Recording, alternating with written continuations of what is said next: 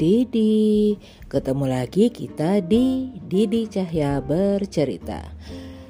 Hmm, Kali ini aku mau bercerita Bukan bercerita sih, lebih kepada Aku mau menyampaikan pendapatku tentang sesuatu Yang mungkin selama ini berseberangan dengan apa yang ada di pikiran orang-orang Ya, ini episode tentang mereka ada untuk kita. Siapakah mereka? Mereka adalah jasa-jasa profesional, para profesional yang selama ini kalau kita coba untuk hire mereka, coba untuk minta tolong mereka, itu ada aja orang-orang yang julid yang bilang, "Ngapain sih kamu pakai mereka? Emangnya kamu nggak bisa sendiri nyelesainya?" Hmm, terus nah, yang ngono terus. itu yang aku alami ayang-ayang Didi. Oke. Profesional yang pertama yang ingin aku sampaikan di sini adalah mereka yang bergerak di bidang kesehatan mental, kesehatan jiwa. Bisa dia itu psikiater, bisa dia itu psikolog, bisa dia itu uh, hipnoterapis gitu ya. Jadi whatsoever lah apa yang kamu lebih suka berinteraksi, ke mana profesi yang lebih kamu bikin kamu lebih nyaman untuk menyelesaikan masalahmu, ya whatsoever. Yang jelas mereka adalah orang-orang yang pekerjaannya adalah memang membantu orang-orang yang mengalami kesulitan dalam hidupnya, dalam artian uh, menjaga supaya mental healthnya itu terjaga gitu ya. Nah, jadi gini Uh, aku tuh sempat tertohok saat aku bertanya kepada sahabatku gitu yang aku tanya, uh, kamu punya kenalan profesional nggak? Profesional apaan? Terserah deh, entah itu psikolog, entah itu psikiater or something gitu kan. Ngapain juga sih kamu cari orang-orang kayak gitu? Sudahlah, kamu tuh cukup uh, sholat sunnahmu dikuatin, tahajud, sholat malam, uh, minta penyelesaian, bla bla bla bla bla bla bla bla bla.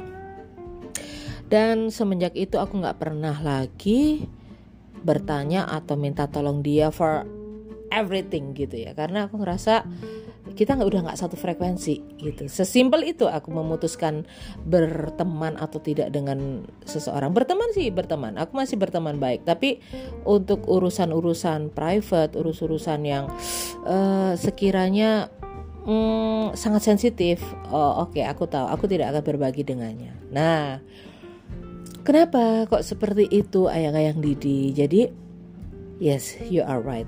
We have uh, apa ya satu ikatan yang kuat kepada pencipta kita, kepada Tuhan kita, kepada Allah Subhanahu wa taala. Yes. Aku tidak memungkiri itu dan aku tidak mengingkari itu.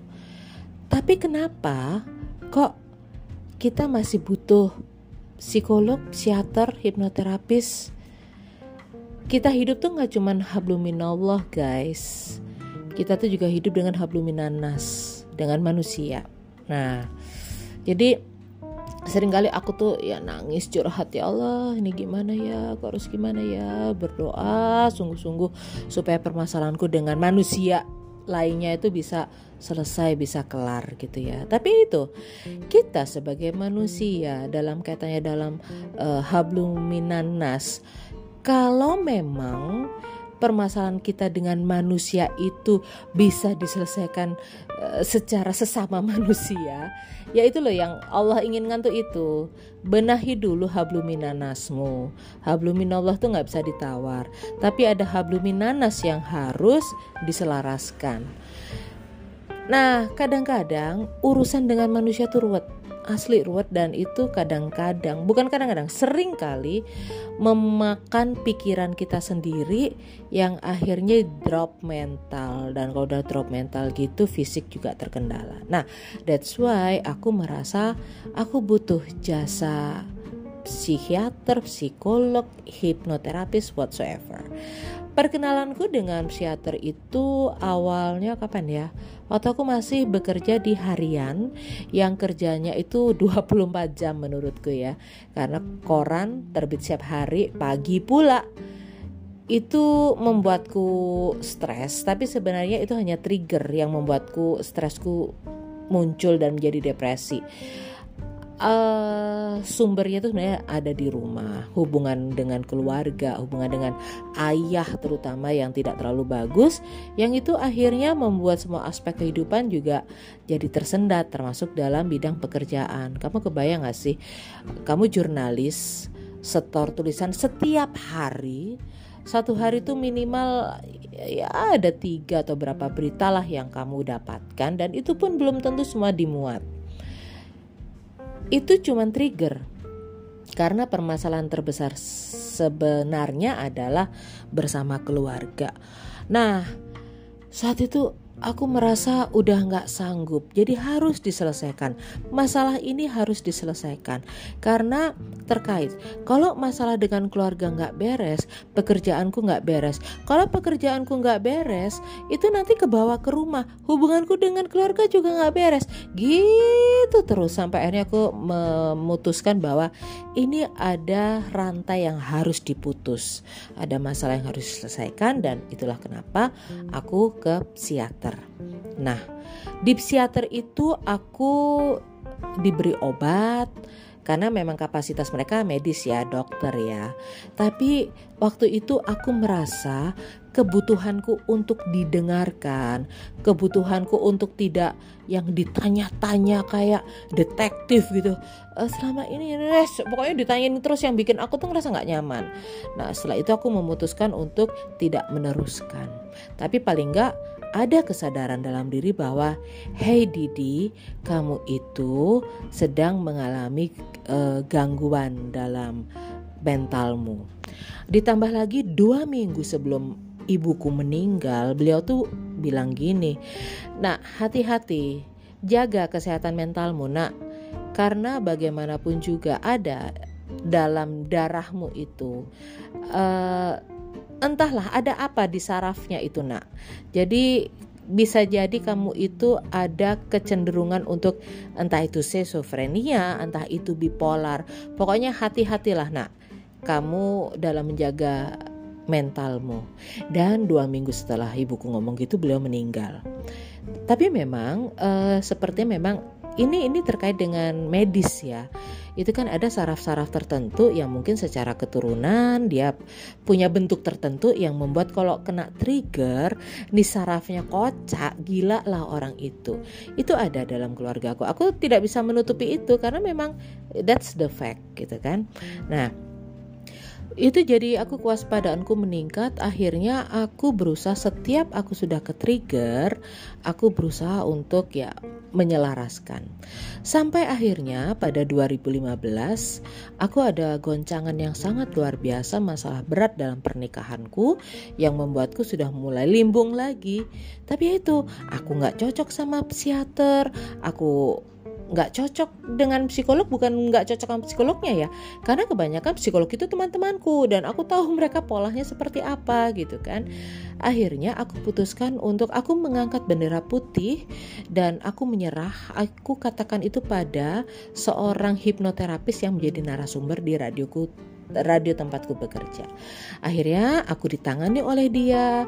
Akhirnya uh, ini aku ada beberapa terapi dan ada beberapa terapis yang pegang aku. Dan alhamdulillah memang karena aku sudah aware jadi kalau sudah mulai muncul trigger itulah baru uh, maksud maksudku saat muncul trigger aku bisa mengatasi lebih awal. Jadi nggak sampai yang gangguan ini itu enggak nah uh, inti dari yang ingin aku sampaikan adalah begini Sekuat-kuatnya manusia mengatasi permasalahannya, ada masalah-masalah yang dia tidak bisa menyelesaikan sendiri, apalagi kalau itu hubungannya dengan orang-orang terdekat. Harus ada orang dari luar, dari luar lingkaran itu, yang dia itu seperti helikopter dari atas, dia melihat ke bawah, oh di, berarti kamu tuh begini, begini, begini, dan dia tidak akan memberikan saran apa pun aku cocokin sama hipnoterapi sih ya. Uh, ya cocok banget sama itu. Dia tidak pernah menyuruhku begini begitu begini begitu. Tapi dia selalu memberikan pertanyaan yang ujung-ujungnya adalah perenungan. Dan akhirnya aku tahu apa permasalahan yang aku hadapi dan apa yang harus aku lakukan dari dalam diriku bukan dari dia. Nah, itu jadi teman-teman, jangan ragu untuk meminta bantuan profesional saat kamu merasa sudah limbung nih segala macam ibadahnya tetap dong harus dong karena itu adalah penguatmu. Itu adalah penguatmu. Tapi ingat bahwa ada habluminanas hubungan antar manusia yang harus dibenahi yang kadang-kadang kalau nggak dibenahi itu larinya ke dalam diri sendiri. Jadi uh, kabar baiknya adalah BPJS itu sudah mengcover untuk kesehatan jiwa. Jadi coba deh kalau memang kamu membutuhkan itu kamu sudah nggak stres lagi tapi sudah ke level depresi cobalah. Nah ya harapanku sih ayang-ayang Didi nggak ada yang perlu uh, atau membutuhkan jasa mereka. Tapi kalaupun ayang-ayang Didi merasakan apa yang uh, aku sampaikan tadi, stres yang levelnya udah mentok hampir depresi atau bahkan sudah depresi, ya ayo cepet ke profesional. Oh iya, taunya bedanya stres sama depresi apa sih? Stres tuh kan paling kita cuma mumet, aduh ini gimana ya gitu. Tapi kalau depresi itu sudah ada keinginan untuk kamu setiap hari murung, kamu nggak mau makan, kamu ngerasa ketakutan, cemas, dan yang paling parah kalau kamu sudah mulai terpikir, mending aku mati aja deh. Nah, ya, ayo, nggak usah pakai lama, kamu langsung minta rujukan, yuk berobat atau minta pertolongan profesional. Nah, itu ya. Nah, terus uh, siapa lagi mereka yang kita butuhkan? Mereka adalah nah ini pengacara, lawyer ini ada kaitannya dengan ya aku bilang tadi 2015 itu kan aku mengalami goncangan yang luar biasa ya dalam pernikahanku dan 2016 aku putuskan untuk karena aku belum tahu apakah aku akan terus atau berpisah ya sebelum mengambil keputusan, aku putuskan bahwa aku harus bisa berpikir jernih.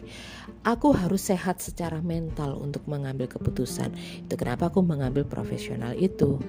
Tapi sampai akhirnya 2020 perpecahan itu tidak bisa dielakkan lagi, kami berpisah dan aku depresi berat lagi. Aku depresi lagi waktu itu, cuman bedanya adalah uh, aku sudah mulai aware nih sinyal-sinyal udah mulai aku baca segala macam uh, ya intinya aku masih bisa bertahan untuk kesehatan jiwaku, kesehatan mentalku. Tapi untuk pernikahan aku nggak bisa bertahan. Uh, teman-temanku yang pernah punya pengalaman berpisah, mengantarkan adiknya berpisah, menjadi saksi perceraian temannya atau apa. Banyak yang mengatakan, "Sudahlah di, kamu langsung aja ke PA, urus aja sendiri sekarang gampang kok. Tinggal kamu ngurus bla bla bla bla bla bla." Oke, okay, fine gitu. Tapi di pertengahan jalan aku ngerasa gini, Aku belum siap kalau aku harus ke PA bolak-balik ke PA sendirian karena aku tidak mungkin juga meminta bantuan orang-orang mengantarkan aku kan mereka juga kerja, mereka juga punya urusan sendiri. Aku nggak sanggup. Akhirnya aku putuskan untuk pakai pengacara. Waktu aku mengutarakan keputusan itu aja banyak orang yang kok ini lapo sih? Gua gua duwe ae, gak usah pengacara-pengacaraan urus dewe bimbang lagi aku tuh. Akhirnya aku cari pengacara enggak ngurus perceraian juga enggak gantung lagi. Sampai akhirnya ya Allah itu memudahkan. Jadi 2021 itu kan resolusiku tuh cuma dua satu selesaikan masalah kesehatanku. Dan akhirnya selasa eh sorry. Kok selasa sih hari kedua? Dalam satu minggu. Maksudku bulan kedua. Februari aku operasi angkat rahim. Dan meski terseok-seok untuk melakukan penyesuaian karena diambilnya hormon estrogen itu berpengaruh terhadap aktivitasmu sehari-hari gitu kan? Nah di saat aku sudah seperti itu aku tinggal satu nih yang harus aku selesaikan yaitu urusan pernikahanku. Aku sampai punya ya yes, pokoknya aku bagaimana caranya 2021 dua hal itu kelar. Ya alhamdulillah di pertengahan tahun saat aku udah deh aku mau ke pengadilan, aku harus kumpulin uang dulu nih buat deposit gitu kan satu koma eh, satu juta lima ratus lima puluh lima lah atau satu koma enam gitu ya. Lagi ngumpulin duit kayak gitu, uh, alhamdulillahnya aku ada kerjaan gitu yang ya sudahlah bayar pengacara bisa gitu. Tapi memang bayar pengacara tuh mahal banget kalau kita nggak kenal, nggak ada channel segala macam, untuk urusan perceraian mereka langsung getok tarif tuh 15 juta. Ada lagi pengacaranya temanku itu yang dia uh, tiga tahun lalu ngurusin temanku yang itu sekali ngurusin 6 juta waktu itu. Sekarang mungkin bisa jadi ya sekitar uh, eh, 8 jutaan gitu ya tapi boleh dicicil gitu. Waduh ya sudahlah. Kalau gitu nggak jadi di urusan perceraian di 2021 karena uh, aku baru bisa ngurus itu 2022 setelah project sama Kominfo ini kelar. Alhamdulillah Tuhan uh, memberikan jalan kemudahan aku bertemu dengan pengacara-pengacara muda yang mereka juga butuh kasus sebagai portfolio yang mereka membantu aku. Alhamdulillah gitu ya.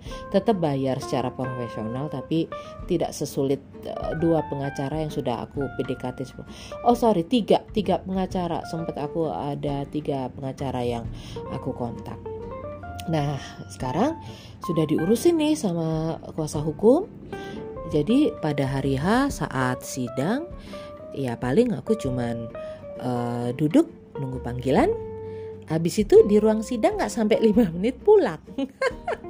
serius, serius. Jadi waktu itu aku tanya sama pengacaraku, Mas, ini kalau misalnya aku ngurus sendiri, aku harus ke mana dan bagaimana? Oh, ke bagian pendaftaran, begini, begini, begini. Dan ternyata di bagian pendaftaran itu banyak formulir yang harus diisi. Belum lagi kalau kita mau nulis gugatan kita memang dibantu, memang ada yang membantu.